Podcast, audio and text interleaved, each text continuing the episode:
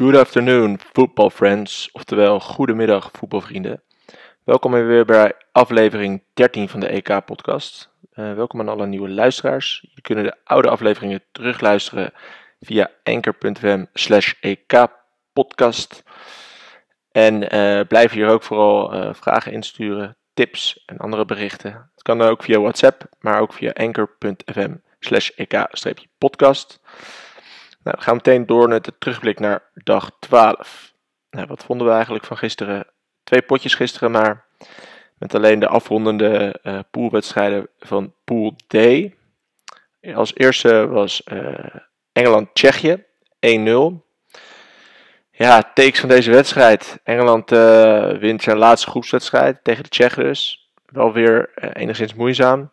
Zowel de Tsjechen als de Engelsen wisten vooraf al dat ze geplaatst waren voor de laatste 16. Dus alleen het groepswinnaarschap uh, stond nog op het spel. De Free Lions begonnen sterk. Uh, met een lopje van Sterling op de paal. Daarna zorgde diezelfde Sterling voor de enige treffer. Na een perfecte voorzet van uh, Grealish. De Tsjechen kregen in het vervolg nog een handvol kansen op de gelijkmaker. Maar keeper Pickford keepte een, een sterke wedstrijd. Engeland dacht in de slotfase nog uit te lopen via uh, Henderson, maar deze goal werd uh, terecht uh, afgekeurd wegens buitenspel. De 1-0 van Sterling bleef, echter, of bleek echter dus de winnende treffer te worden van deze wedstrijd. En ehm, ja, hiermee is Sterling ook voor de tweede keer matchwinner geworden. De Engelsen winnen dus en zijn groepswinnaar van, van Pool D. Um, in de achtste finale treffen ze echter de nummer 2 van de sterke Pool F. En momenteel zou dit Duitsland uh, kunnen zijn. De Engelsen spelen echter wel uh, in eigen huis op Wembley in Londen. Dus ik uh, ben benieuwd ja, hoe ze dan voor de dag komen.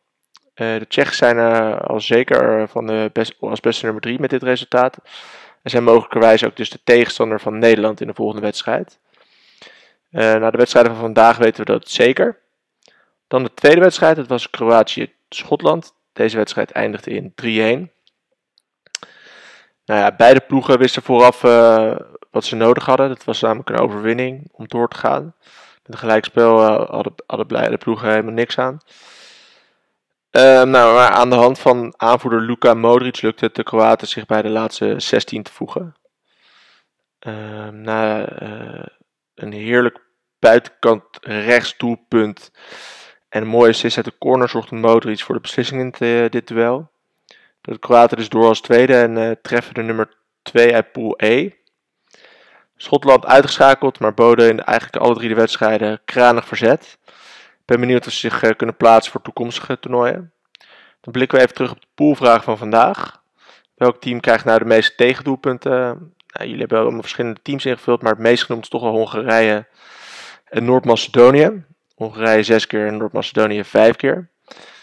Dat terwijl Hongarije een, na twee wedstrijden pas vier goals tegen heeft gehad. En Noord-Macedonië samen met Turkije bovenaan staat in dit klassement met acht goals tegen. Dan gaan we door naar de wedstrijden van vandaag.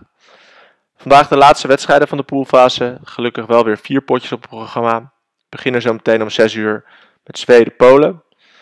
Nou, de boekies geven hier uh, Polen een licht voordeel. 2,65 voor winst Polen. 3,55 voor een gelijkspel. En voor winst Zweden krijg je 2,70. Zweden won de vorige wedstrijd en moet vandaag winnen van Polen om zeker te zijn van een plek bij de eerste twee. Voor Polen geldt eigenlijk hetzelfde, maar dan uh, voor de derde plek.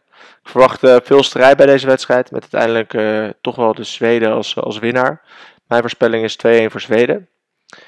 De tweede wedstrijd in deze pool is tegelijkertijd ook om 6 uur. Slowakije tegen Spanje. Nou, de boekies zijn hier wel duidelijk in het voordeel van de Spanjaarden. 1,22 voor, voor Spanje, 6,80 voor uh, gelijkspel en uh, 17,0 voor winst Slowakije. Spanje is de duidelijke favoriet, maar viel wel erg tegen tot nu toe dit toernooi. Kunnen de Spanjaarden het wel goed maken tegen de stugge Slowaken? Nou, ik denk het eigenlijk wel. Ik denk dat Spanje nu wel doel weet te vinden en dat Slowakije wellicht als nummer 3 toch nog doorgaat. Mijn voorspelling is hier de 0-2 voor Spanje. Nou, dan naar uh, de twee wedstrijden in Pool F. Uh, de leukste wedstrijd is denk ik en ook de mooiste wedstrijd Portugal-Frankrijk om 9 uur. Frankrijk wel het voordeel, 2,15 voor winst Frankrijk, 3,30 voor gelijkspel en 3,90 voor uh, winst Portugal. En de mooiste wedstrijd van deze, wedstrijd, van deze pool is dus, vandaag tussen die, deze twee ploegen. Maar ja, waar Portugal tegen de vorige, in de vorige wedstrijd geveegd werd door Duitsland, was ook Frankrijk niet in staat om te winnen. Van de stugge Hongaren. Frankrijk is echter wel zeker van de plek bij de laatste 16, terwijl voor Portugal er nog veel op het spel staat.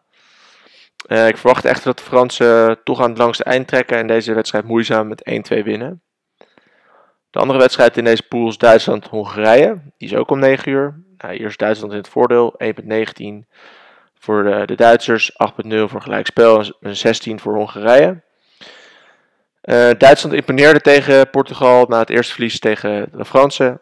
En Hongarije verraste WK-winnaar wist knap op een remise te houden. Duitsland is echter wel als favoriet en gaat vandaag tegen Hongarije zichzelf naar de volgende ronde schieten. Dat is wel duidelijk, denk ik. Ik denk uh, dat uh, Thomas Müller het voor de Duitsers gaat doen. En onze Oosterburen gaan denk ik met 3-1 winnen vanavond. Dit keer geen vraag van luisteraars binnengekregen. Wel weer een jarige vandaag op het EK. Josip Brekalo, aanvaller van Kroatië. Is vandaag jarig, 23 jaar geworden. Van harte gefeliciteerd Josip. Gaan we door naar de feitjes. Ik heb twee feitjes meegenomen. Feitje 1 gaat over de snelste rode kaart ooit op het EK. Dit uh, twijfelachtige record is in handen van uh, Erik Abidal van Frankrijk.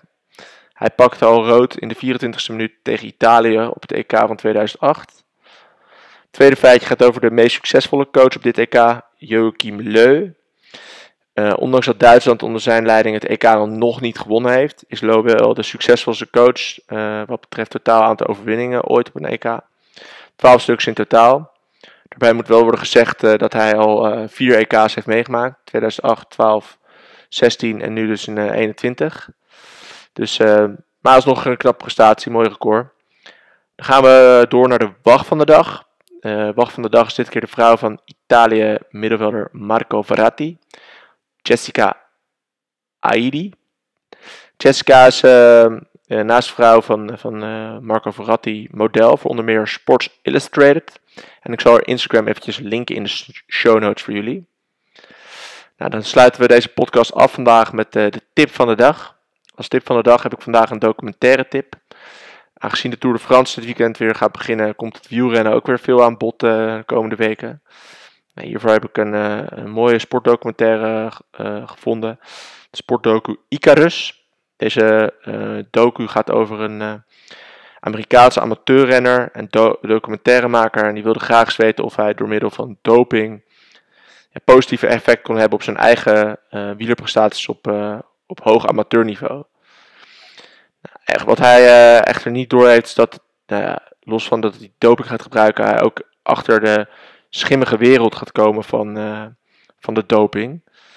En waarin met name Rusland en de sportwereld van Rusland een grote rol speelt op het gebied van doping in de profsport.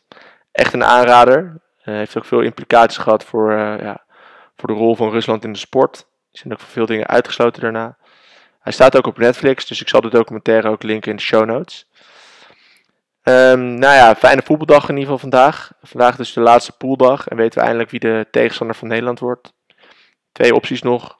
Het wordt of dus uh, Tsjechië of de nummer 3 uit de pool F, Portugal Frankrijk, Duitsland of Hongarije.